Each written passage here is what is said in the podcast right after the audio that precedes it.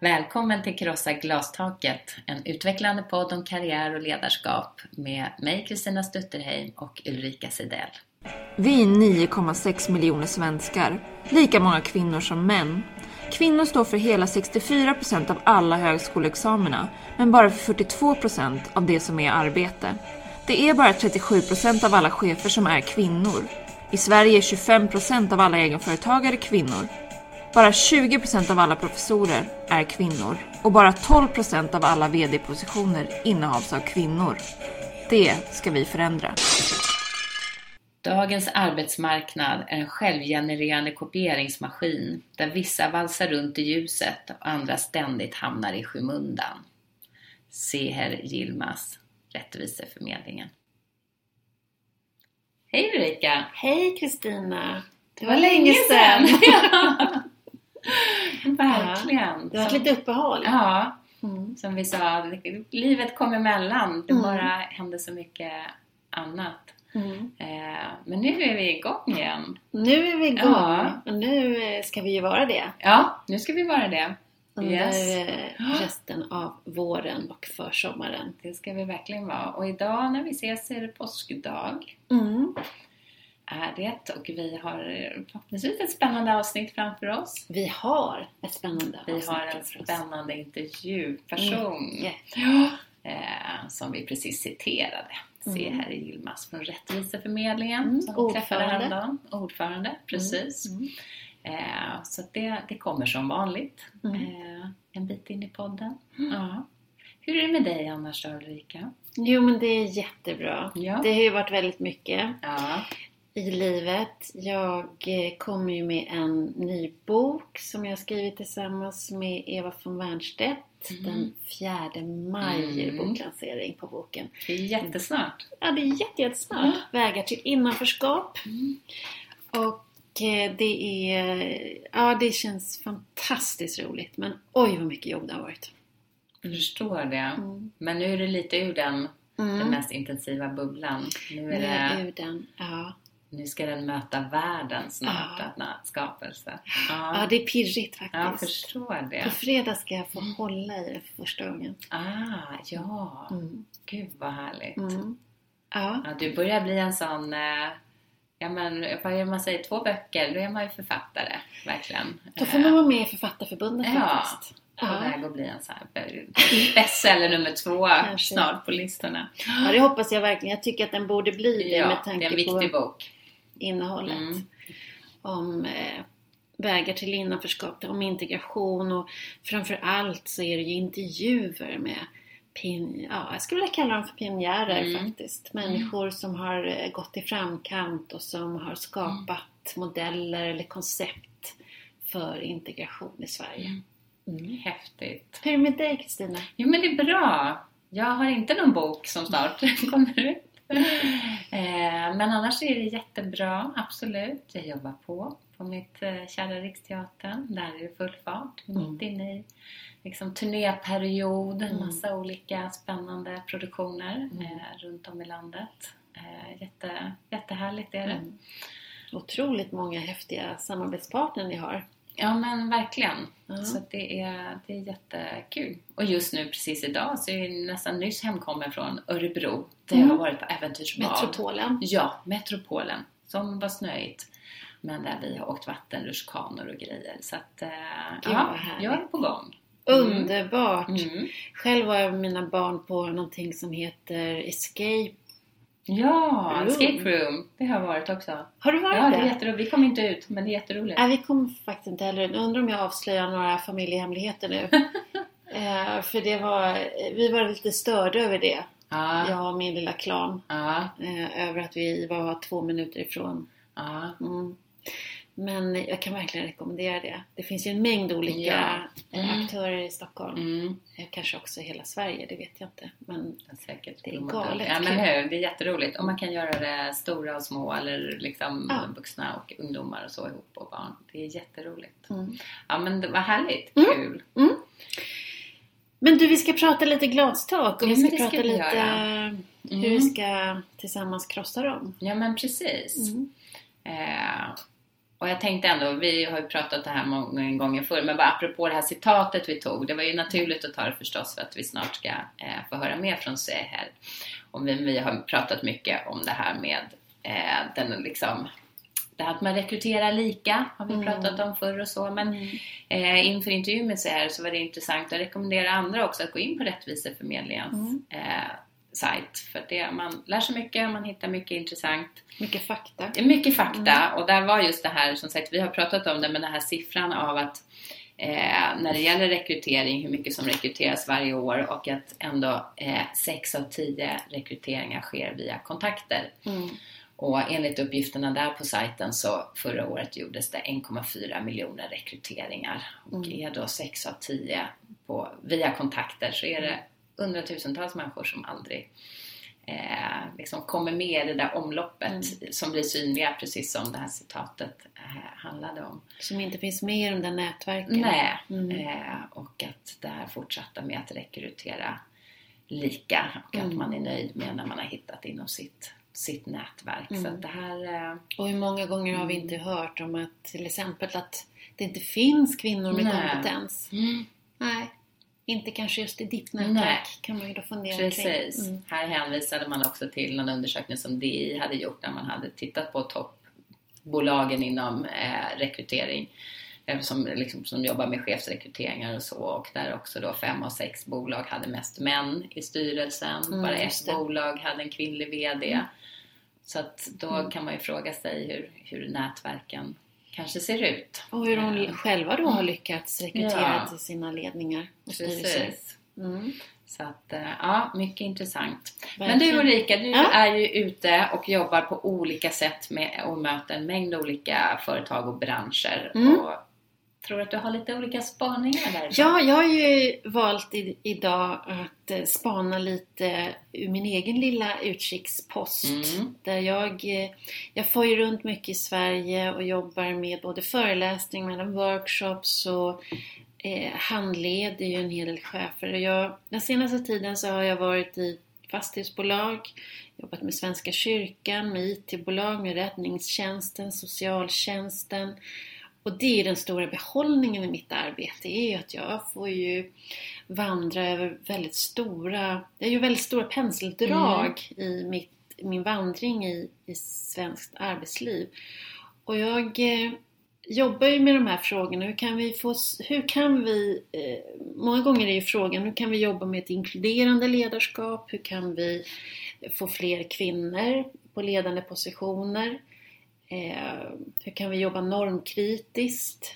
Eh, och då skulle jag vilja bara dela med mig av några erfarenheter Mm. som jag har sett till de som vill eh, visa på det här i sin egen verksamhet eller bli medveten om det. För att jobba med jämställdhet eller inkluderande ledarskap handlar ju mångt och mycket om att sätta mål och att jobba strukturerat eh, utifrån de mål man har satt upp. Men det, vad det framför allt handlar om också är att få syn på de här sakerna man inte får syn på. Det informella eh, regler, normer som vi eh, hanterar kvinnor och män.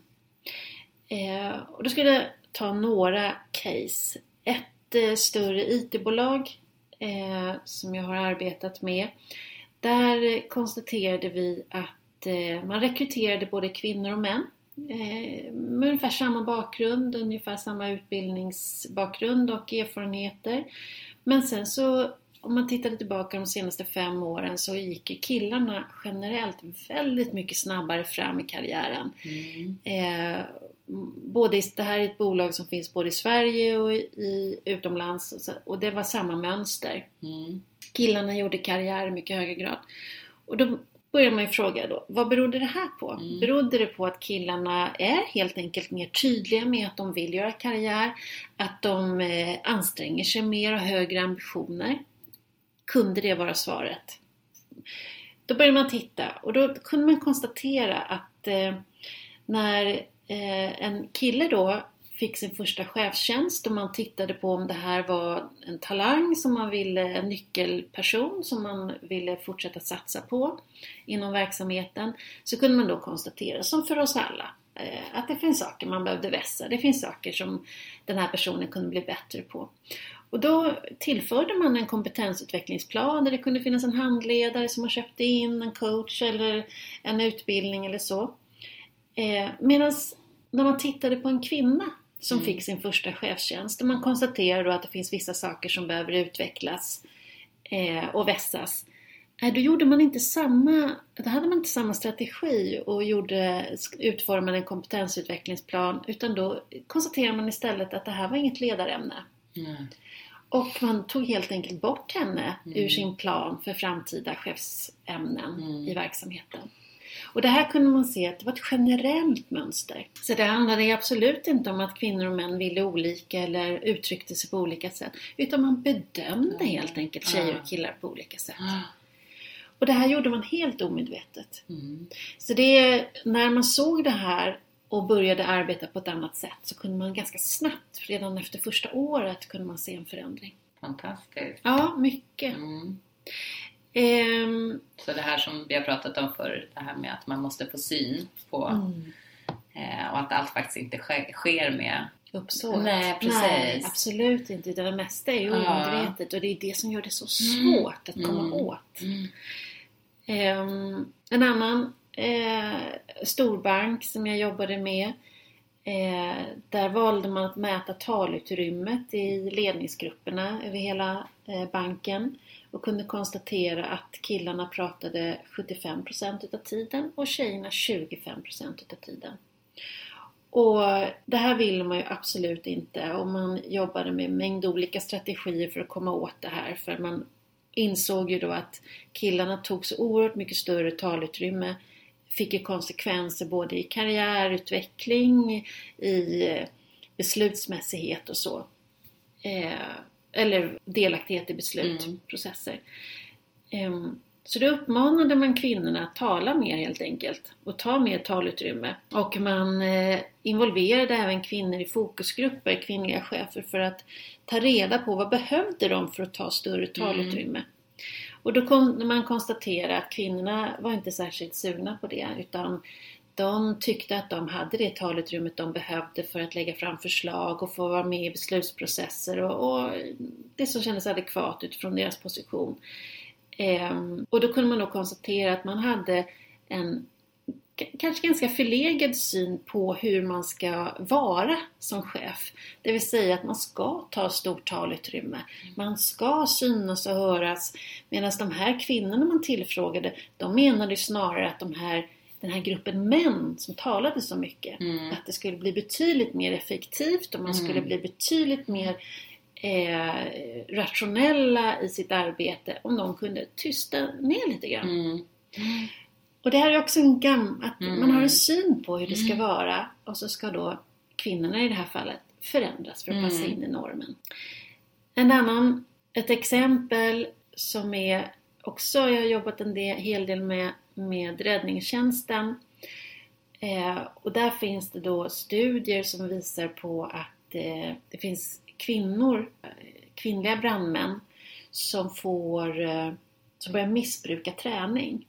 Mm. Och då började jag titta på det. Vad berodde det på att man, man, man tränar så mycket så man, man blir beroende av sin träning? Mm. Alltså det blir ett destruktivt Mm. förhållande till sin träning. Och då fanns det då, kunde man då konstatera på flera ställen där jag var att ja men hur mäter man resultat? Jo, det är styrka, det är snabbhet, det är det, är det som det är det informella synen på när är man riktigt bra? Jo, då är man riktigt stark, riktigt snabb. Eh, istället för att nyansera det här, för man gör ju naturligtvis en mängd olika saker. Mm.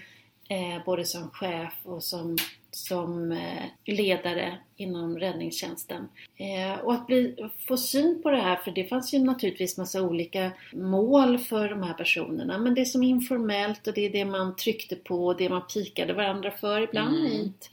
Eh, det var ju just styrkan. Vilken kunde då få såna här konsekvenser eh, för kvinnorna. För att då fanns det då kvinnor, såklart, som kände sig pressade och om det var det sättet som gjorde att man dög eller det sättet man gjorde så att man skulle få eh, bli befordrad eller Mm.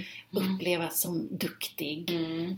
eh, var just bara att mäta i sin styrka och Mm. hastighet. Och att synliggöra det här att det blir destruktiva konsekvenser. Nu, det här är en, en undersökning som Kommunal gjorde just det här med träningsmissbruk. Mm. Det finns ju såklart, skulle jag väl gissa, finns det hos kvinnor finns det ju förmodligen hos män, men en större andel Mm, kvinnor. Att få syn på att man behandlar kvinnor och män olika, att få syn på att, att man bedöms olika eh, och att börja jobba med andra strategier. Mm. Det skulle jag verkligen slå ett slag för när man vill jobba med de här typen av frågorna. För vi vet ju, får vi både kvinnor och män Mm. På ledande positioner, ja men det vet vi, det har vi konstaterat många Mm. gånger i olika studier. Vi får både högre innovationstakt, högre lönsamhet, bättre välmående i verksamheterna. Och då vill jag lyfta fram ett gott exempel Mm. avslutningsvis. Eh, och det är Ramböll eh, som är ett stort bolag i Sverige men också internationellt som jobbar med samhällsplanering och samhällsbyggnad eh, och som i mesta del har ingenjörer anställda. De bestämde sig för några år sedan att de hade alldeles för få kvinnor på ledande positioner och att de måste göra någonting åt det. Och då gjorde de tre saker. Alla kvinnor som klev in i verksamheten oavsett nivå fick en mentor och då inte en mentor internt utan en Mm. extern mentor för att inte öka på den, den kultur som Mm. fanns utan också Mm. trycka på andra perspektiv och andra normer och värderingar från andra bolag. Så de fick en extern mentor. Man skapade också ett, ett nätverk med kvinnliga chefer och det utsåg man som en ren strategisk en, en strategi för att ta reda på vad såg de här kvinnorna, vad upplevde de om att vara kvinna på den här arbetsplatsen och vad ville de Eh, vad kunde de delge ledningen utifrån sina perspektiv? Mm. Och sen höll man också eh, utbildning i de här frågorna för chefer. Och det resulterade i att på två år så fördubblade de antalet kvinnor på ledande Mm. positioner. Med Wow. otrolig hastighet och fick Mm. också flera eh, kvinnor som sökte chefstjänster. Och rådet som de eh, kommunicerade ut, eh, det var ju att eh, har man en mängd eller ett antal begåvade och drivna kvinnor men som inte söker eh, chefstjänster, Mm. då behöver man ta reda på Mm. och förstå vad anledningen till det det. är. Och inte bara säga att vad är det för fel på kvinnor Nej. som inte söker, utan varför? Varför-frågan Mm. är central. Inte bara konstatera utan... Mm. Mm. Bra, intressant. Jag Ja. tänkte på det här du sa med eh, det där med talutrymme och så här, det kan jag känna igen från tidigare. Eh, att jag har fått till mig att då kanske prata mer ledningsgruppssammanhang eller så. Och där jag också merparten har känt att jag säger det jag tycker att jag behöver säga och har så svårt för den här upprepningskulturen som ju Mm. ofta är det som faktiskt tar det där extra utrymmet. Mm. Sen kan det ju alltid finnas ja, eh, tillfällen man kanske skulle säga någonting mer men jag kände nog rätt ofta också att det inte handlade om att jag inte tog den platsen Mm. utan eh, vill de hålla på och surra ett tag till, gör det. Mm. Jag behöver inte prata bara för att höra. Mm. Jag tror många som kan känna igen sig i det där. Ja, jag tänker på Lena Olving Mm, som beskriver hur hon satt och sjöng för sig själv. just det. Lilla Snigel. Ja. Medans, vad hon kallade för den här långsamma manliga miljön. Ja, Det måste processas Just på ett det. specifikt sätt Mm. med upprepningar och så. mm. Det är ju lite humor i det. Det Absolut. Och alla- det är, ibland är det även kvinnor som är med i det här. Ja, att det- så absolut. att, eh, men ja, det är intressant att, att tänka på ändå. Ja, och att det har varit en framgångsfaktor. Mm. Att prata mycket. Mm. Sen är inte Mm. alltid innehållet är Nej, det mest centrala precis. utan det är mer utrymmet. Absolut. Mm. Bra, tack. Vi tänkte nästan nu gå till en lyssnarfråga vi har fått. Jag höll på att säga tittarfråga, men det stämmer ju inte. Mm. Det är en lyssnarfråga. Så att jag läser upp den. Är du redo? Jag är redo. Ja. Hej! Tack för en inspirerande och bra podd. En sak som jag funderar på när jag lyssnar är det här med att kombinera familj med karriär.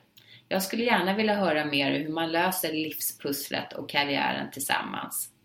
På min arbetsplats upplever jag ingen tydlig skillnad mellan kön. Det finns flera exempel på kvinnor i 35-årsåldern som premieras för hårt arbete. Men däremot upplever jag att man särbehandlar de som jobbar deltid. För att anses som ambitiös och lyckad måste man ju jobba minst 100%. Jag förstår att vi som jobbar deltid inte kan göra karriär i samma takt som den som jobbar heltid. Det är ju logiskt. Men jag upplever att vi betraktas som hopplösa och nästan lata. Får ofta kommentarer om att vi går hem tidigt och så vidare. För att ses som lyckad ska man snarast prioritera bort barnen. Det är både stressande och provocerande. Jag skulle gärna vilja höra er åsikt om detta. Hur kan man stå upp för sin rätt att jobba deltid och samtidigt visa att man vill göra karriär, kanske bara lite långsammare under småbarnsåren? Vänliga hälsningar, Karin. Mm. Tack Karin. Det är en Mm. jättecentral fråga till, i Sverige idag. Verkligen. Vad tänker du? Många jobbar deltid, eh, både av, eh, för att det inte finns heltidstjänster. Här tolkar vi det som att här är det ett aktivt val eh, att jobba deltid under Ja, och en rättighet. Ja, absolut. Men som sagt, vi vet att det Mm. också finns en stor andel inom kvinnodominerande yrken där heltidstjänster tyvärr eh, inte är eh, så stora. finns. Nej, Mm. precis. Mm, absolut. och då har det sin eh, ja, Det är en problembild. Precis. Vad tänker du när du hör Karin här nu då? Om hur, hur agera? Ja, först skulle jag säga till Karin att hon har rätt. Mm. Det är så här det ser ut i Sverige. eh, För att konstatera det. För det första så, så vet vi att kvinnor är mer lediga. Kan vi kalla det för ledig när man är, tar hand om barn? Nej, nej, precis. Man, man, jag tror det var Fredrik Reinfeldt som myntade omsorgsarbete. Mm. Ehm, Vi vet att det är betydligt fler kvinnor som har det här oavlönade omsorgsarbetet, nästan sju veckor mer per år än vad män har, om vi generaliserar. Och det är helt rätt. Eh, Jag tror Unionen gjorde någon undersökning för något år nej inte ens ett år sedan, jag tror faktiskt att det var i år, eh, där de visade på att eh, 34% av kvinnorna, tjänstemän som de hade tillfrågat, ansåg att de hade tappat karriärmöjligheter för att de hade blivit föräldrar. Men bara 13% utav männen upplevde det. Så det är stor skillnad. Så det, Mm. hennes uppfattning är helt korrekt Mm. eh, utifrån den statistik som är. Mm. Och en annan tanke jag får det är att som chef och arbetsgivare så ska man ha klart för sig att i, i Sverige är det faktiskt förbjudet att missgynna eh, killar och tjejer i arbetslivet eh, som har själ, alltså där själen korrelerar med föräldraskap. Mm. Och det är en lag som har funnits sedan 2006 så det är inget nytt påfund. Eh, det, det finns en diskrepans mellan lagstiftning och verklighet här. Vilket är ju väldigt irriterande. Sen skulle jag vilja säga att det här med att det här handlar om kultur. Mm.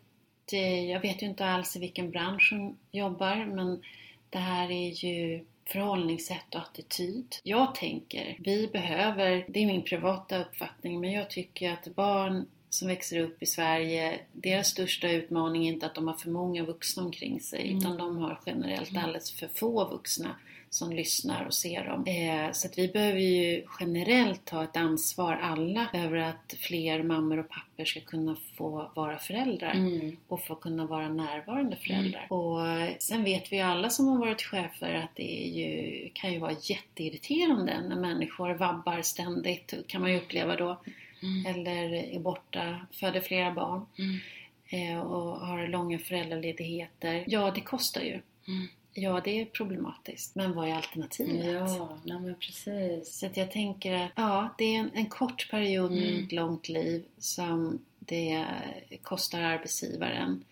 Men eh, det gör utbildning också. Mm. Någon som pluggar, någon som eh, jobbar deltid för att den studerar. Jag skulle, att som arbetsgivare ska ju se det här som en kompetensutveckling. Verkligen. Och jag tänker där du sa om kultur också, de där gliringarna eh, som ju nämns lite här och som jag tror många kan känna igen det där med att, att eh, liksom man säger det, ska du gå hem nu? Och, som ju verkligen är en del av en kultur som man kanske också kan adressera vid rätt tillfällen när man, många arbetsplatser jobbar ju ändå lite med hur har vi det här, vår företagskultur och så vidare. Mm. Det här är ju bra exempel på eh, ja, en kultur som man verkligen kan, kan lyfta. Eh, för det där kan man förstå att sen om det kan finnas andra förutsättningar som är, rätt okej, men att hela tiden få de där små pikarna eller vad man ska säga. Det, jag vet att det där eh, kan spela roll. Absolut! verkligen- Men jag tänker, när jag lyssnar på Karin så tänker jag på Elisabeth Massi Fritz, eh, advokaten som, som numera, sen jag tror 11 år tillbaka driver sin egen advokatbyrå där hon har eh, som är den största humanjuridikbyrån i Sverige. Eh, jag tänker på när jag intervjuade henne till boken Bortom glastaket, då återkom hon ofta till att våga vara besvärlig. Och hon berättade när hon kom till rättssalen eh, som advokat då, som skulle representera sin klient. Eh, och hon var ensamstående mamma och det fanns ingen annan än hon som kunde hämta hennes barn. Och eh, domaren, eh, eh, hon nämnde då för domaren att vi måste avsluta klockan halv fem för att hennes dagis stängde klockan fem. Mm. Och den här domaren nästan skrattade, hade aldrig hört talas om något liknande utan i rättssalen sitter man tills man är klar med förhandlingen eller Mm. eh, rättegången. Eh, och hon sträckte upp handen igen och sa att jag är ledsen men det går faktiskt inte för att dagis stänger. Jag måste hämta mitt barn. Eh, och hon berättar att eh, det var några gånger som hon inte var tvungen att sitta kvar och fick försöka lösa det på annat sätt. Men sen så småningom så varje gång hon klev in i rättssalen så sa domaren Jaha, nu är advokat Fritz här. Då kommer vi att avsluta rättegången här klockan halv fem. Och på, på, så småningom så, så blev det en rutin att så var Mm. det. Och hon berättade den här berättelsen som ett lärande exempel. Att, att våga vara besvärlig, våga Mm. stå upp. Ja, jag jobbar deltid, det är Mm. helt korrekt. Mm. Men det betyder inte att jag har sämre kompetens eller vill mindre. Jag vill också Mm. vara en förälder och en närvarande förälder. Mm. Att våga vara besvärlig skulle Mm. jag skicka till Karin. För jag förstår ju att det är besvärligt att Mm. vara deltidsanställd eh, anställd där hon befinner Mm. sig. Mm. Att våga stå upp för det, att våga vara tydlig med att hon absolut har ambitioner att göra karriär. Men man behöver göra en liten långsiktig plan för Just henne. det. Och att Mm. hon vill också göra en sån plan Mm. tillsammans med sin Mm. chef. Just det. Mm. Så att verkligen adressera detta och prata om detta i utvecklingssamtal eller så är jättemotsvarande. Mm. Och då kommer vi in på lite det här med arbetsgivarens ansvar. Mm. För att ibland kan man ju liksom känna när vi pratar alla de här sakerna att Åh herregud vad jag ska stå upp och jag ska göra allt det här och jag ska eh, kämpa för min plats och så vidare. Arbetsgivaren har ju en väldigt stor, stort ansvar i Mm. allt det här som vi pratar om. Och eh, också från och med i år lite skärpt ansvar. Så det är ju bra att det händer saker hela tiden. Titta lite på det här med diskrimineringslagen. Eh. Mm. Och eh, förut så har det räckt med att ha en eh, åtgärdsplan eller att man har en, en, inte en åtgärdsplan utan det är det man nu ska komma till med aktiva åtgärder. Mm. Där det förut har räckt med att man har en jämställdhetsplan. Mm. Nu så sätter man fokus på det här med aktiva åtgärder och det är det man behöver visa upp att man, att man har som faktiskt arbetsgivare. gör. Mm. Ja, vad man faktiskt gör. Och det är väldigt bra. Och att det handlar om att motverka då diskriminering och verka för lika rättigheter och, och möjligheter oavsett diskrimineringsgrund. Då kan man, det här är arbetsgivarens ansvar, att jobba med fyra steg inom fem områden. Och det handlar om att undersöka risker, lite vad vi har pratat om. Första steget innebär att arbetsgivaren ska undersöka arbetsplatsen för att upptäcka vilka eventuella risker för diskriminering eller repressalier eller andra hinder för arbetstagarens lika rättigheter och möjligheter. Det kan vara reella hinder och hinder i form av attityder, normer och strukturer. Det är sånt som vi precis pratar om. Så att det här är en första del, att undersöka riskerna eh, arbetsgivarens ansvar. Och det kan man göra genom enkäter, individuella intervjuer, arbetsplatsträffar och så vidare. Och sen analysera orsakerna. Efter undersökningen ska arbetsgivaren analysera orsakerna till upptäckta risker och hinder. Och beroende på eh, hur stor utsträckning det här är så ska man då titta på vad det handlar om och hur stor den här, de här hindren är. Och sen tre, genomföra åtgärder. I steg tre ska arbetsgivaren genomföra de förebyggande och främjande åtgärder som skäligen kan krävas mot bakgrund av undersökning och analys. Arbetsgivaren ska alltså bedöma vilka konkreta åtgärder som ska genomföras. Och sen ska man följa upp och utvärdera. Det är det sista steget, att följa upp och utvärdera undersökningen, analysen och åtgärderna. Och när detta är klart ska de erfarenheter som arbetet har gett gå att, gett gå att använda i steg 1, undersökningen, i nästa cykel av arbetet med aktiva åtgärder. Så här finns det ju verkligen eh, väldigt tydligt hur man ska som arbetsgivare jobba med de här frågorna. Mm. Det kan ju kanske vara någonting för Karin också att Precis. avisera till sin chef och till HR beroende på var det är hon jobbar någonstans. Det tror jag verkligen. Eh, så att aktiva åtgärder är det som idag i nyheterna är diskrimineringslagen där det tidigare var okej. De är krav på jämställdhetsplan men det har ersatts med ett krav på att arbetsgivaren ska dokumentera arbetet med aktiva åtgärder. Mm. Viktig nyhet och förändring. Bra! Du, vi ska göra en intervju. Det ska vi. Vi har träffat eh, Seher Yilmaz, ordförande för Rättviseförmedlingen, som har gjort en massa spännande saker innan hon hamnade på den här viktiga positionen. Hon har bland annat varit ordförande för Sveriges elevkårer. Hon har varit ordförande för LSU, Landsrådet för Sveriges un ungdomsorganisationer. Hon har jobbat som konsult på PR-byrån Prime. Det här berättar hon mer om också, de här olika världarna som hon har eh, varit i. Och hon har varit Public Affairs-ansvarig på fackförbundet Unionen. Men sedan 2014 så är hon ordförande för Rättviseförmedlingen och vi hade tillfället häromdagen att få träffa henne just i Rättviseförmedlingens lokaler för en eh, jättehärlig och eh, intensiv intervju. Mm. Ja.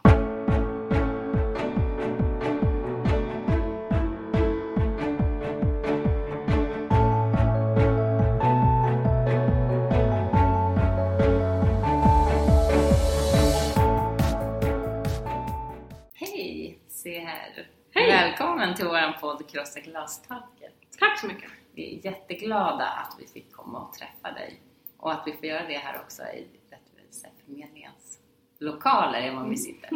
Lite vid sidan av just nu. Superhärligt! Vi tänkte fråga dig, som vi liksom alltid börjar, vad var ditt mest eh, lustfyllda beslut som du har tagit de senaste veckorna? Mitt...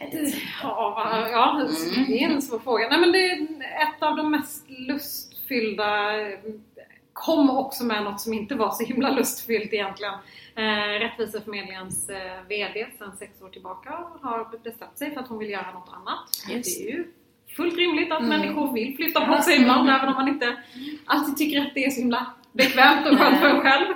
Ehm, så hon valde liksom, eh, ja men hon har sagt upp sig helt enkelt. eh, Så. Och då eh, blev det ju väldigt roligt att få fundera över vad ska vi göra istället Mhm. liksom. Eh, och få liksom, skriva ihop en kravprofil och liksom, få verkligen så här, återigen gå tillbaka till vilka är behoven vi har och vad är det för typ av person och följa våra egna råd som vi ger till andra. Ehm, så, så det har faktiskt varit roligare och mer energigivande än vad jag först kände när jag fick veta så här. Mm. "Ja, du ska sluta, hur ska det här gå? Alltså bara, jo fast det här kommer ju bli fantastiskt. Det kanske blir något helt annat, men det blir fantastiskt. Ja, vad spännande. Man ser bara framför sig alla dessa kanaler ni kommer gå ut i Ja, precis. ni ska få den här, Ja, hitta men, den här personen. Ja. precis, och framförallt så här, få använda vår egen kanal. Mm. Det är ju det härliga Ja, på något precis. sätt. Att, så här, eh, att vi inte behöver vara stressade över Mm. hur når vi dem som Mm. annars, utan vi vet ju det. Vi är ju en egen Exakt. kanal. Det är så himla skönt. Mm. Åh, det Underbart. blir spännande att följa. Eller hur? Här, verkligen. Men du kan väl berätta lite mer? Du är ju ordförande för Rättviseförmedlingen idag. Vad gör Rättviseförmedlingen? Jag brukar tänka på Rättviseförmedlingen som eh, Ja men ni vet så här, ibland behöver man någon som ska komma och prata på ens konferens eller man kanske behöver någon att intervjua till en podd eller vad det nu skulle kunna vara. Och så börjar man titta på så här, vilka som man har bjudit in tidigare och så känner man så här, men det här är bara samma personer fast ja, inte samma människa liksom, men mer eller mindre en homogen, ett homogent gäng. Och så kanske man frågar en kompis liksom, har du tips på någon annan som är annorlunda på något sätt? Liksom. Och då brukar jag tänka på Rättviseförmedlingen som den här kompisen. Men skillnaden är att vi är 130 000 kompisar som kan ge svar för att bredda ens nätverk. Mm. Eh, och det är väl det vi är. Vi är ett nätverk som hjälper till att bredda urval för att vi tror att kompetens finns hos alla människor oavsett var man kommer ifrån eller ens kön eller vilket nätverk man sitter på. Ehm, så, så, så brukar jag tänka på Mm. oss. Eh, som en schysst person som snabbt hjälper till att hitta de där andra som har hamnat i skymundan. Och vi gör det i sociala medier. Mm. Där, vi, där vi verkar helt enkelt. Men sen har ni de senaste åren börjat med utbildning, föreläsningar, ni mäter olika saker. Ja men precis, det är liksom det som började som ett, så här, ett initiativ där man från början skulle hitta DJs som inte var män, för sådana som man fanns inte överhuvudtaget, vilket idag känns väldigt knasigt att tänka att det inte skulle göra. Eh, Så det initiativet utvecklades efterhand att vi började lära oss att läsa och testa och göra som vi alltid gör. Allting sker liksom för att vi testar och utvärderar och så kör vi vidare. Liksom. Eh, och så började det komma in förfrågningar. Så kan inte ni komma och berätta om hur ni tänker när ni kommunicerar eller när, hur, när ni ska hitta andra eller ja, så. Och då visade det sig att ja, men det finns ju en efterfrågan på det här. Eh, så då har vi kunnat utveckla utbildningar som vi har i olika typer av sammanhang. Eh, och sen så funderar vi väldigt mycket på vilka får synas i media. Mm. Och tänkte att det vill vi ju titta på. Så då eh, utvecklade vi en social innovation som är ett verktyg för att granska eh, vilka som får höras i svenska nyheter. Med väldigt nedslående resultat där vi såg att så här, 70% av de som får synas och höras är män. Att endast 8% har utomnordisk bakgrund.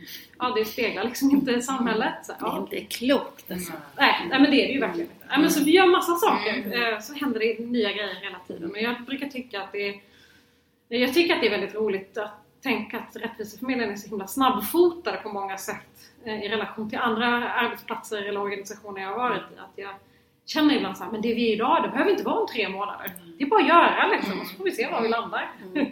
En frihetskänsla. Extrem frihetskänsla. Det är väldigt skönt faktiskt. Sen kommer ju det med ett stort ansvar Absolut. och varumärke, ja men alla de där bitarna. Men, men det är väldigt skönt. Vad vill vi göra? Då gör vi det. Mm. Mm. Underbart. Mm. Och sen ni har ju också blivit opinionsbildare, så ni har ju en kraftfull plats Mm. kring de här frågorna. Ja, nej, men det, det försöker vi vara i alla fall. Så, så är det väl upp till andra att bedöma. Så. Ehm, Men jag tänker på dig. Du har ju en lång erfarenhet inom, eh, vi ska kalla det för idéburna sektorn. Eh, Du har haft tunga ledarroller sedan du var 18 år. Eh, Du har hunnit med väldigt mycket. Kan inte du berätta lite om din bakgrund för oss? Mm. Men jag är, jag är från Lund och jag är uppvuxen i ett hem där politik alltid var närvarande utifrån att mina föräldrar kom till Sverige som politiska flyktingar eh, i början av 80-talet. Eh, och det har liksom för dem alltid varit en självklarhet att här, det man tror på, det ska man kämpa för. Något annat finns inte liksom. Och för mig var det så här, men okej, vad är min vardag? Jo men det är klart att det är skolan, det är inga konstigheter. När man är ung så är ju skolan vardagen liksom. Eh, och att titta lite på de ojämlikheterna som fanns där. Mycket i relationen lärare-elever men också elever emellan. Eh, så, med liksom påhejande föräldrar i olika sammanhang. Så för mig började mitt engagemang i skolan och det började väldigt starkt med att jag hade en lärare jag inte kom överens med. Som tyckte att eh, jag borde ta större ansvar för killarnas inlärningssvårigheter i klassrummet för att eh, jag klädde mig för utmanande. Och då var jag liksom 11 år gammal, vilket är helt skevt att tycka att ett barn ens kan vara utmanande. Liksom, att objektifiera ett barn på det sättet. Eh, och då gav jag mig liksom in i elevrådssvängen så som så himla många från idéburen sektor kommer ifrån. Liksom. Eh, och det harvade på ett tag i min skola och sen så kom jag i kontakt med det som då hette elevorganisationen som heter Sveriges elevkårer. Eh, och när jag var, när jag gick i nian så åkte jag på ett årsmöte, ett nationellt årsmöte och kände så här, gud det här är ju hur häftigt som helst. Här är vi 500 personer som brinner för samma sak, skolan, vi vill göra det bättre tillsammans liksom. Och var helt eld och lågor när jag kom hem. Eh, och sen så ringde de från eh, förbundskontoret någon vecka senare och så sa de så här, du vi tänkte att eh, vi behöver en ny ordförande för Skånedistriktet och vi tänker att det är du som ska vara det. Och så tackade jag nej och la på. för jag tänkte det här kan inte jag liksom. Och så ringde de igen och så sa de så här, fast vi har ingen annan. Som det också ofta är i idéburen sektor, att man bara vi tar den enda som verkar peppad nu och så ger vi den det jobbigaste ansvaret liksom. Ehm, och när de liksom då hotade med att det blir nedläggning typ om du inte ställer upp. Då hade man inte så mycket val för jag var ju så himla förtjust i den här organisationen jag precis hade bjudits in i. Ehm, Så då tackade jag ja. Under hot nästan liksom. Ehm, Och med det ord- ordförandeuppdraget så kom det liksom att jag skulle vara chef över en ombudsman som jobbade på ett kontor i Lund liksom. Och jag var så här, och den här personen var ju 18 år gammal och jag var liksom 15 och skulle säga ja hur är man när man är chef? Får jag skriva avtal? Jag vet inte, så det blir säkert bra. um, och så efter ett par år där så fick jag ju liksom sen bli ordförande för Sveriges elevkårer. Mm. Och det hade jag liksom inte heller så här, kanske reflekterat över om det inte vore för att ordföranden, den liksom förbundsordföranden, när jag var distriktsordförande sa till mig så här, men så här, vi behöver fler som är som du. Eh, då frågade jag vad menar du då? Jo, fast vi behöver fler som inte är svenskar från liksom, akademikerfamiljer. Eh, för det är en homogen organisation det här liksom. Och sen fattade jag att det inte var därför jag blev vald, men eh, det var fint att någon såg mig och lyfte upp mig och sådär. Och det engagemanget ledde till att jag kom i kontakt med LSU, Sveriges ungdomsorganisationer, som jag senare blev ordförande för. Och så har det liksom varit mycket så att det ena har lett till det andra. Mm. Eh, och man liksom mm. jobbar på bara mm. och gör saker man tycker är roligt. Liksom. Mm. Eh, så. Och liksom, jag har ju alltid befunnit mig i sammanhang där jag på något sätt får jobba med människors fulla potential på ett eller annat sätt. Mm. Att, antingen handlar det om elever, att få, liksom, få ha en schysst skolgång, att få vara sig själva eller om det är elev, eller ungdomsrörelse. Mm. Mm. Och nu idag på Rättviseförmedlingen där vi får jobba med att lyfta människor ur under, underrepresenterade grupper för att de ska få lov att visa vad de kan och går för. Liksom. Uh, och i det här, för du, sen hade du ju en sväng till eh, näringslivet kan man säga, ja. Prime och du var väl också public affairs-ansvarig på Unionen tror jag. Ja. Så du, du gjorde en liten avvikare där. Ja, det gjorde jag. Det var, jag behövde ett jobb. När jag var på LSU, Sveriges ungdomsorganisationer, som ordförande så eh, fick vi ta över en ekonomi som jag kanske inte skulle säga var optimal. Liksom. Eh, och då försvann arvodet som jag hade. Som jag trodde att jag skulle ha. Mm. Och så är det ju i den här sektorn att man liksom, det är mycket så här, det är svårt att planera för sin ekonomi. Mm. Eller, många behöver bli bättre på det. Eh, så. så då behövde jag ett jobb och jag hade aldrig hört talas om PR-branschen. Eh, för jag menar, mina föräldrar kan ju ingenting om det. De är mm. så här, men, driver restaurang och är undersköterska. Det är inte så att de bara, jo men den här kommunikationsbranschen mm. i Stockholm, den kan du ju hänga i liksom. um, så. Utan jag blev tipsad av en dåvarande mentor som sa så, så men ska du inte testa? Mm. Jag, var så, jag vet inte vad de gör. Ja men de typ pratar med folk. Ja okej, okay, så det verkar rimligt, det kan jag göra liksom. Så jag skickade in en ansökan eh, och gick hela vägen. Och så då fick jag bli gruppassistent på, mm. på Prime. Mm. Så jag gick ju då från att vara ordförande på heltid till att liksom vara en mötesbokare, mötesrumsbokare. Vilken resa! Ja, mm. Eh, men jättenyttigt också att få börja om från början. Dels så här, jag var väldigt ung, 24 år gammal liksom, mm. så det är inte heller så att jag kände mig färdig mm. fattar att man får börja mm. och göra om och göra nytt. Mm. Liksom. Eh, men det gjorde också att jag fick lära mig branschen från grunden. Mm. Så, när jag varit där ett tag så hörde man av sig från Unionen och så sa man att man behövde en vikarie som public affairs-ansvarig. Mm. Och då tänkte jag, men det här vill jag göra. För då var jag juniorkonsult inom public affairs. Så jag bara, om jag får ansvar någon annanstans, det är klart att jag tar det även om det är ett vikariat. Och det är ju väldigt skönt att kunna göra det när man inte har så här barn och mm. jättestora lån eller alltså hoppa på ett vikariat och sen mm. se vad som händer mm. efteråt. Mm. Så då var jag där eh, nästan ett år och sen gick jag tillbaka till Prime ett tag innan jag kom. Så du har ju du har en mångfald i din erfarenhet också, när du beskriver. Ja, ja men det är jag väldigt glad för. Mm. Att så, jag har ändå lyckats både göra ide, ideell sektor mm. och få göra näringsliv och få mm. göra fackförbund som är, mm. är ju en del av det idéburna fast en egen värld. Ja men fast en egen värld, mm. verkligen. Mm. Eh, och att ha varit konsult är en av mina bästa erfarenheter hittills i form av att man får se så många olika verksamheter. Mm. Eh, man lär ju sig så mycket på så kort tid. Mm. Ah, men idag ska jag lära mig allt om mjölk och imorgon allt om miljonprogramsområdenas miljöutveckling. Ah, men liksom, mm. Mm. Så man bara, ja det är ju verkligen vitt och brett och olika organisationer som man får samla erfarenheter från. När, när jag hör dig, när du berättar om, om dina föräldrar och det här med att man det man tror på ska man stå för och, och den drivkraft som du beskriver. Jag tänker, vad är, vad det, vad är det som framförallt är din motor? Vad är viktigast för dig som att ta dig fram i, i din, om vi kallar det för karriär, din mm. livsresa mm. i arbetslivet? Ja, men, alltså för mig är det, det ja, låter ju härligt eh, glättigt i relation till att liksom tro på, jobba för det man tror på men för mig är det väldigt roligt, eller viktigt att ha roligt. Mm, mm. Och roligt eh, behöver ju inte handla om att det ska vara, ja, vad ska man säga, ja, svårt att beskriva. Nej men Mm. för, mig, för mig är det viktigt att det är kul på jobbet. Eh, Mm. och jag tycker att det är roligt när jag får vara med och Mm. både bestämma och att få utveckla och att få förändra och påverka. Mm. Eh, så. så det känns som att oavsett var jag kommer, förhoppningsvis också i framtiden, så får jag jobba med att göra samhället bättre på ett eller annat sätt. Sen om det handlar om att göra det bättre genom att kommunicera smartare eller om det är att rekryteringar ska bli bättre eller för att unga ska ha rätt att organisera sig. Mm. Ja, det spelar nog inte li- lika stor roll, men det måste bli bättre. Mm. Mm. Samhällsutveckling låter Ja. det som att det är viktiga delar. Det skulle jag nog ändå säga. Mm. Mm. Jag tänker också när du beskriver, du säger så här, ja det ena leder till det andra om man jobbar på och gör ett bra jobb. Det låter väldigt enkelt. Har du haft någon karriärplan eller har du någon karriärplan? Mm, Nej, det har jag inte. Jag vet liksom inte riktigt vad den skulle, hur den skulle se ut.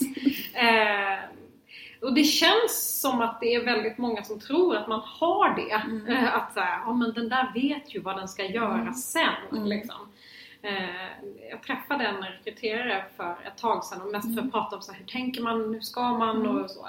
Och då var det så här, men det är väldigt viktigt att du vet vad du ska vara om tio år. Och jag säger, jag vet inte vad jag är nästa år. Eh, och inte för att jag ska sluta utan mer såhär, man vet aldrig. Nej. Eh, och så det känns helt omöjligt att planera för karriären. Utan för mig har det varit väldigt mycket att antingen att jag har fått en fråga eller att jag har tvingats. Som jag säger, oj jag blir av med mitt arvode men mitt uppdrag kvarstår, vad kan jag göra istället? Mm. Eh, ja, men till att så här, ja, mycket bananskal. Så var det Mm. liksom från början med Sveriges elevkår också. Mm. Mm. Du borde göra det här. Mm. Ja okej, då får jag väl göra det då. Mm. eh, så. Och Mm. göra det så länge det känns kul och, och liksom utmanande. Mm. Eh, men det är också viktigt att våga flytta på sig, Mm. tycker jag. Mm. Hör du andra resonera på samma sätt av just de yngre, det här med att karriärplan, vad är det? Nej, man, Mm. man går lite, liksom ute efter vad som kallar och man känner Mm. för och sådär. Eh, Så känner du igen det i andra som du möter också? Ja men det gör jag, men det är ju antagligen också för att jag rör mig som alla gör i rätt lika kretsar med Mm. människor som är rätt mycket lika mig själv. Liksom. Eh, det är möjligt att karriärplanen ser ja, helt annorlunda ut, eller sättet man ser på karriären eh, i andra sammanhang. Eh, familj till exempel som man ju inte har valt själv, liksom mina syskon, så där, ser det, där är ju väldigt olika sätt att resonera på. Min lilla syster som bor i Skellefteå och har utbildat sig till bagare, det är inte så att hon bara Åh, vad ska jag göra sen och vad driver mig? Och den här, ja, men liksom som det kan bli i Ja. liksom eh, här, i de här, så här mer elitistiska rummen som vi ändå befinner oss i. Mm. Eh, så, medan för henne är det så ja men det är viktigt att jobbet finns där och är stabilt och att det finns en inkomst. Sen är jag mest intresserad av att bygga mitt hus. Typ. Mm. Eh, Så, Mm. så det, det beror nog också på. Alltså, jag känner ju igen det för att jag umgås med sådana människor Mm. i väldigt stor utsträckning. Mm. Mm. Mm. Rättviseförmedlingen jobbar ju med att rekrytera en större mångfald och Mm. representation eh, som är advek- adekvat, jag kan inte uttala det ordet idag. Eh, både i ledningsstrukturer och när man rekryterar generellt och i media som du nämnde och sådär. Men om man tittar på dig själv, vad har du stött på som kvinna och vi pratar om glastak och vad har du stött på under din karriär hittills? Mm. Ja, men, och jag tror att för mig har det, jag har ju insett att glastaket inte bara är liksom ur ett jämställdhetsperspektiv. Det är ju också såklart att jag har utländsk bakgrund. Det finns en klassaspekt i det jättemycket. Så det har varit många glastak som jag har på något sätt fått eh, stångas mot och fortfarande stångas mot. Men om vi ska prata utifrån att jag är kvinna, så här, ja det är liksom allt ifrån att det började med en lärare då som på något sätt objektifierade utan att hon, hon tyckte ju att hon tänkte på mitt bästa som man gärna gör för både flickor och kvinnor överlag. Jag säger jag ska hjälpa dig lite grann. Och man bara, jo fast det här var ingen hjälp överhuvudtaget. Ehm, till liksom att så här, få höra i Sveriges elevkårer att så här, men folk är rädda för dig för du beter dig inte på ett sätt som alla andra kanske gör. Då kan man också fundera över ja, vad kan det ha tänkt bero på? Eh, ja, men, så man förväntas inte vara kaxig som ung tjej liksom. Det har jag fått höra i arbetslivet också. Så här, ja men vi anställde dig för att vi tycker att det är härligt att du är kaxig men det vore bra om du nu kunde tona ner det. Du väljer när du är kaxig. Ja men exakt! Så här, ja, bara, härligt att ni, ni tar in mig för det men sen Men blir det för sen jobbigt. Sen bara in i mallen liksom. Och fundera då över så här, men hade ni ens sagt det här till en man i min ålder? Att här, nej men du är för kaxig. Det hade varit så här, bra med ambitioner och bra starkt driv. Mm. På LSU, Sveriges ungdomsorganisationer, så fick vi höra, sen vi var två kvinnor som kandiderade tillsammans, så här, jag till ordförande och hon till vice ordförande, då fick vi höra så här, att ni är alldeles för lika varandra. Så det här är farligt för organisationen. Och hur ofta säger man det till män som så här, gör saker i grupp och utvecklar idéer och visioner? Då är det inte så att de behöver söka sig till sin liksom, Motsats. mot, ja, motsats för att liksom, tas på allvar. Men här var det så ja, men, ni tycker väldigt lika och sen har ni klänning på er. Typ. Man bara, okej, så här, bra, bra grejer. Så det är klart. Ja. Jag blir så nyfiken nu när du sitter här och efteråt tittar på de här situationerna. Men det är en sak, men kunde du finna dig eller såg du det här när du upplevde det? det, det tog mig ändå ett tag att inse vad det var som liksom pågick. Eh, så. Eh, men när man väl har börjat inse det så är det svårt att sluta se det liksom. För då kan jag numera bli uppmärksam på det.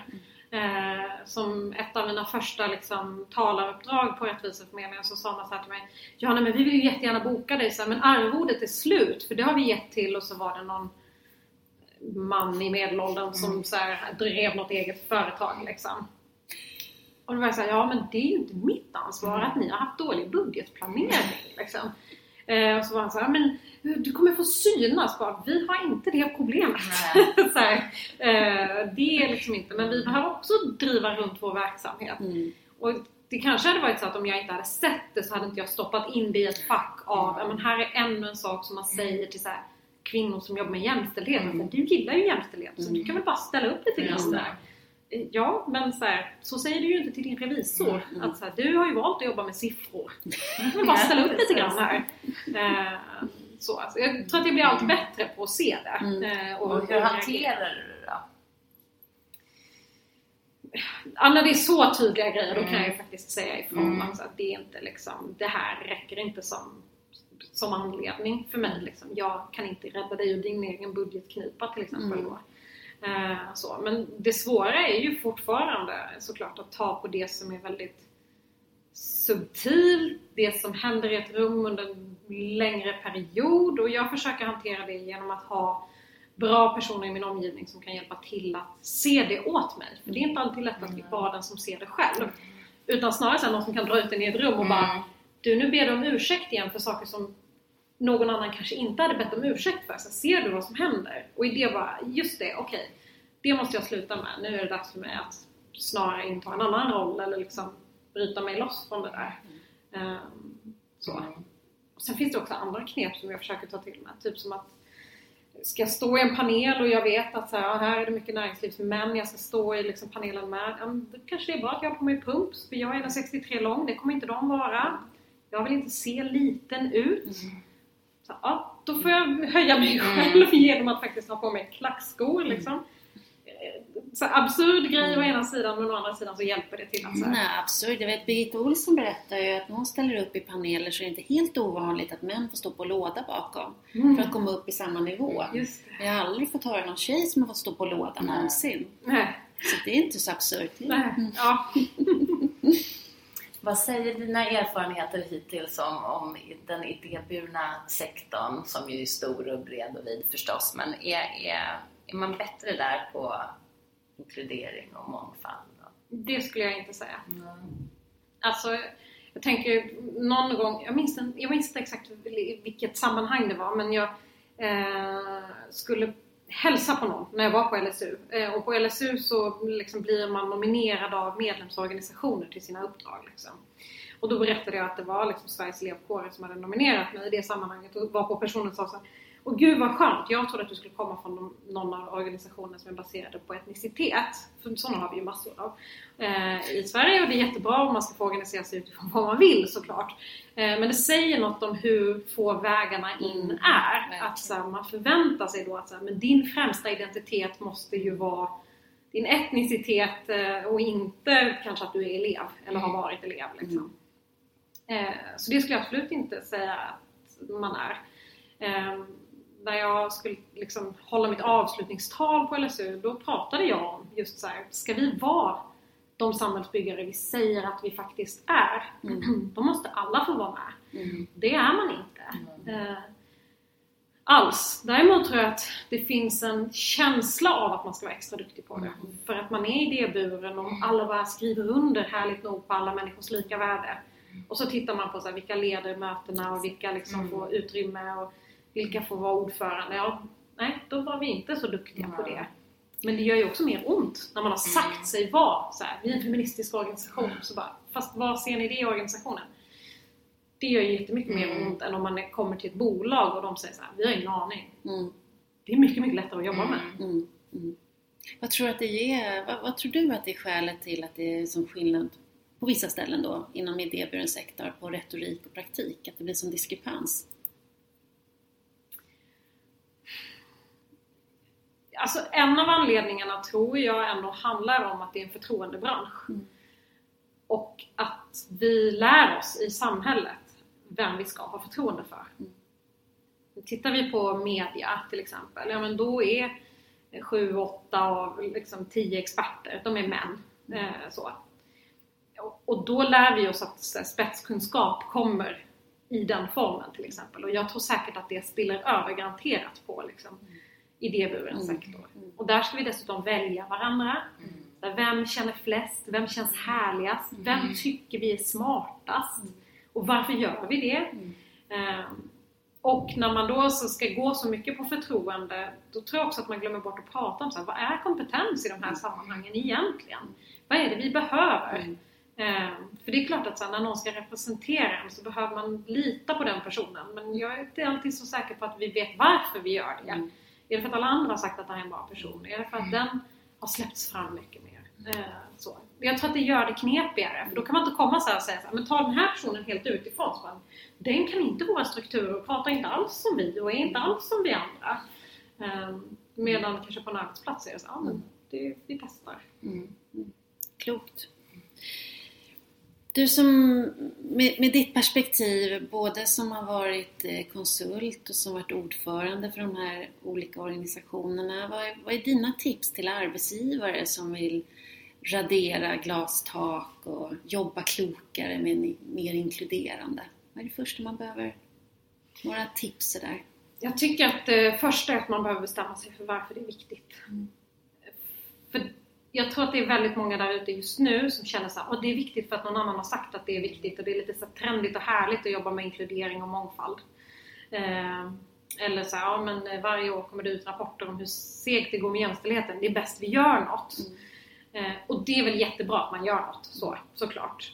Men vet man inte varför man gör det, om man inte har bottnat i det, då kommer det bli mindre viktigt så fort något annat känns viktigt och trendigt och härligt. Och jag tycker att så här, alla människors lika värde borde inte få vara en trend utan det är ju något vi borde verkligen skriva under på och jobba med på riktigt. Mm. Så det är väl egentligen det första. Mm. Jag tror att det är väldigt få som faktiskt sätter sig och pratar om vad syftet är. Utan man är såhär, vi har väl samma bild ungefär och alla håller med, väl, väl med varandra. Och så när vi får jobba och så får man prata om så här, men varför är det viktigt för organisationen? Varför är det viktigt för dig? Då kommer det ju fram lika många anledningar som det är personer i det rummet. Och då plötsligt fattar man ju här, men det är klart att det blir svårt att jobba för det här målet. Mm. För vi har ju helt olika bild av vad vi ska eh, och varför vi ska dit. Så det är väl det ena. Och det andra är ju att på något sätt våga beskriva sin egen homogenitet. Mm. Och vilka konsekvenser det ger för det mål som man vill uppnå. Mm. För jag tror också att det är så mjuka frågor som det här ju känns som, vilket det ju inte behöver vara såklart, men så. ehm, så vågar man inte riktigt beskriva sitt nuläge. Eller man känner kanske att det inte är så viktigt att göra det, utan det är så här, prata om vad vi ska och sen kör vi lite grann. Och då är ju risken att man utgår från något slags luftslott, eller att man inte faktiskt har på något sätt behövt tvinga sig själv att handskas med hur ser det ut hos oss? Varför gör det det? Och vad gör det för våra affärsmål eller organisatoriska mål? Precis. Problemformuleringen. Vad är problemet Exakt. med nuläget? Mm. För det är ju först när man pratar om nuläget och jämför det med vart man ska som man kommer se också så här, aj, vi behöver göra något på riktigt. Mm. Liksom. Och då, då kan vi inte så tillsätta en liten undergrupp som gör något litet på egen hand. Utan så det här är ledningens, styrelsens Mm. främsta uppdrag för att det ska komma fram. Liksom. Eh, och det är ju ja, men två så här, viktiga Mm. frågor i så här, hur man tar tag i förutsättningarna eh, för att ens det ska lyckas. Mm. Liksom. Jättebra. Mm. Och innan dess behöver man inte pyssla. Liksom. Det är där man måste börja. Eh, Jag skulle säga det. Mm, ord. Ja, eh, precis. För då blir det så här. Om man inte har gjort det där, då blir det liksom att man skriver i annonsen så här, hos oss är alla välkomna. Så bara, "Ah, vad betyder det? Mm. Och varför är de inte det idag? Vet ni det? Och hur kommer det gå när ni har anställt någon som inte alls är som er själva eller Mm. tagit in någon i styrelsen som inte är som er själva? Så bara, Det kommer ju gå skitdåligt. Du ska vara kaxig men inte här. Nej. Ja, exakt. Men vi ska också runda av lite med det här med eh, karriär och glastak och jag tänker på kvinnor som tänker sig att den där karriären skulle jag vilja göra. Din resa, wow, tänk få vara med om den. När du nu sitter med de här åren bakom dig, vilka lärdomar har du, vilka slutsatser, vilka lärdomar har du som du skulle vilja förmedla till den som står inför en, en karriär lik din? Det ena skulle ju såklart vara att våga eh, våga ställa upp lite så. Mm. För jag har sett väldigt många eh, kvinnor i olika sammanhang, eh, framförallt då från idéburen sektor liksom, som är såhär, ja men han kandiderar ju till ordförande så då kan jag kandidera till vice ordförande. Att inte hålla på sådär och liksom förminska sig själv liksom. Utan, så, men vill du bli ordförande? Då får du väl köra på det. Och i värsta fall blir du inte ordförande. Men då blev du i alla fall inte något annat, lite Mm. halvdant liksom. Eh, utan att så våga säga de sakerna högt, Mm. tror jag. Eh, det, det har i alla fall varit det som har varit eh, vad som har funkat för mig. Mm. Att så, ja, men det är ju det här jag vill göra. Då får göra det då helhjärtat. Mm. Eller inte alls liksom. Eh, det andra som har varit viktigt för mig är ju att omge mig med smarta personer som jag kan få använda som ett tryggt bollplank. Mm. Och det är för att jag känner mig själv i form av att jag vet om att jag inte kommer på de bästa idéerna på egen hand. Eh, och för att jag ska känna mig trygg så behöver jag ha lyft saker och bollat och vridit och vänt innan jag får liksom presentera det. Och att hitta personer som på något sätt kan vara allierade i rum. Eh, nästan liksom bestämma sig för att jag håller din rygg, du håller min rygg. Och det betyder ju inte att man måste hålla med varandra helt i alla, man får ju tycka olika ändå. Men att så här, ja, men om det blir oschysst stämning, då ser vi till att lyfta varandra eller ser vi till att hjälpa varandra på något sätt. Mm. Eh, och det har varit extremt viktigt. Eh, för det är, det är liksom ja, Det är ju en sån klyscha om att så här, det blåser snålt på toppen. Men det gör ju det. Och det blir tuffare för det ställs högre krav på en själv. Mm. Eh, så.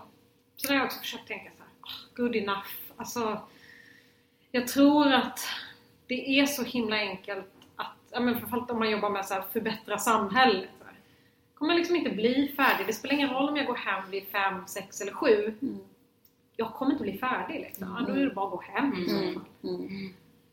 Mm. Men någon slags good enough-känsla ändå. Hit räck, det räcker hit. Jätteviktigt. Så var det när jag till slut vågade tacka ja till att bli ordförande för Rättviseförmedlingen. Att jag tänkte så här: okej det här har startats av en fantastisk person. Eh, organisationen är väldigt förknippad med henne. Hon är ett geni på tusen sätt liksom. Eh, så satte jag målet så här, men om Rättviseförmedlingen inte dör mitt första år, då har jag gjort ett bra jobb. Mm. Och det om något får ju gärna på något sätt säga att det var ju good enough. Sen dog vi ju inte utan vi blev ju större och, och liksom göra mer grejer. Mm. Men att inte gå in och säga så här, "Ja, men jag ska bli ihågkommen som det. Utan så här bara, ja men vi ska så här, överleva mitt första år. Så får vi utvärdera därefter. Mm. Snyggt tycker jag. Det tycker jag, vilken härlig avslutning. Vi rundar av och tackar så jättemycket. Mm. Tack så mycket. Och Jag tycker verkligen det här, jag måste bara ta med mig det, det här Ja. med att man skapar allianser Mm. innan i rummet. Att kör ihop sig nu, då backar vi upp varandra. Mm. Den gillar jag. Tack så Jättebra. hemskt mycket. Tack. Tack. Ja, då är vi tillbaka Kristina Det är vi. i ditt kök på Ja. Södermalm. Eh, som, en, som jag tror vi sa kanske redan där, men en härlig intervju. Som alltid, det är så härligt att få träffa alla de här olika Mm. kvinnorna. Det här var som sagt en väldigt tydlig... Och kunnig inom Ja, de här områdena också. Verkligen. Hon, fan, hon, här finns det mycket att inspireras av och lära av. Och jag tänker på dels det här med när hon beskriver som jag själv kan känna igen mig väl i och som jag har hört många andra när jag har givit handledning till kvinnlig, kvinnor som är chefer. Det här med att man eh, får uppskattning för att man är, man står upp och man eh, tar konflikter och man vågar konfrontera och man står upp för det man tycker och tänker och tror på. Eh, och hon nämnde begreppet kaxig. Mm. Eh, men sen när man väl är på plats, ja då får man inordna sig Mm. och då är det inte lika poppis längre utan då får man lära sig att eh, det var kanske inte ett jättepopulärt sätt att agera på. Nej, det är verkligen något som av alla eh, intressanta saker hon pratade om så också något som jag tog med mig och känner igen. Eh, tror jag många kan, kan göra. Eh, sorgligt verkligen Mm. eh, att när vardagen sen kommer då, då ska alla inrätta sig ändå i leden på något Mm. sätt. Mm. Mm. Men hon tog ju också upp det här med att eh, en framgångsfaktor för henne har varit att omge sig med smarta personer Mm. Mm. som hon kunde känna förtroende för och bolla eh, tankar och idéer och erfarenheter med. Och jag tänker mig att det skulle väl kunna vara ett karriärstips. Mm, Verkligen, det är ett väldigt bra karriärstips. Och vi har ju pratat om det på olika sätt tidigare. Vi pratade om att nätverka och bygga ditt nätverk och så. Eh, Men vi tänkte bara prata om några delar som kan göra det väldigt konkret. Mm. Man, där man liksom någonstans ska inventera lite vad, Mm. man, vad man har och vad man behöver. Mm. För det är rätt lätt att också gå på i samma hjulspår och tycka jo men jag har ett stort nätverk. Men det är kanske ungefär detsamma man haft väldigt länge och Mm. man kan behöva, vill man vidare, man vill göra kanske nya andra saker så kan man behöva titta på hur får jag in lite nytt blod i mitt nätverk. Mm. Och då kan man tänka sig lite utifrån, ska vi säga att vi kallar det för en liten övning eller inventering, styrelsebordet. Mm. Vilka vill jag ha runt det? Vilka kan jag behöva ha beroende på vart det är jag nu vill, vad mina utmaningar är där jag skulle behöva. Ja, styrelsebordet alltså att tillsätta din egen styrelse Ja. i ditt eget liv. Mm. Vilka skulle då det vara? Precis. Och där kan man ju börja med eh, Antingen så kommer man direkt att tänka på olika personer men man kan också börja med just Ja men om man vet att ja, men jag vill till Y och jag är, skulle behöva veta mer om X och så vidare så kan man börja med att titta vad är det för typ av kompetenser eller vad behöver de finnas i för branscher. Man kan göra lite den inventeringen. Sen kan man börja eh, kanske personsätta om det eh, är möjligt eller så kan man få hjälp med det. Ah, jag letar efter någon eller ett de här nätverken, en möjlighet att finnas med just här.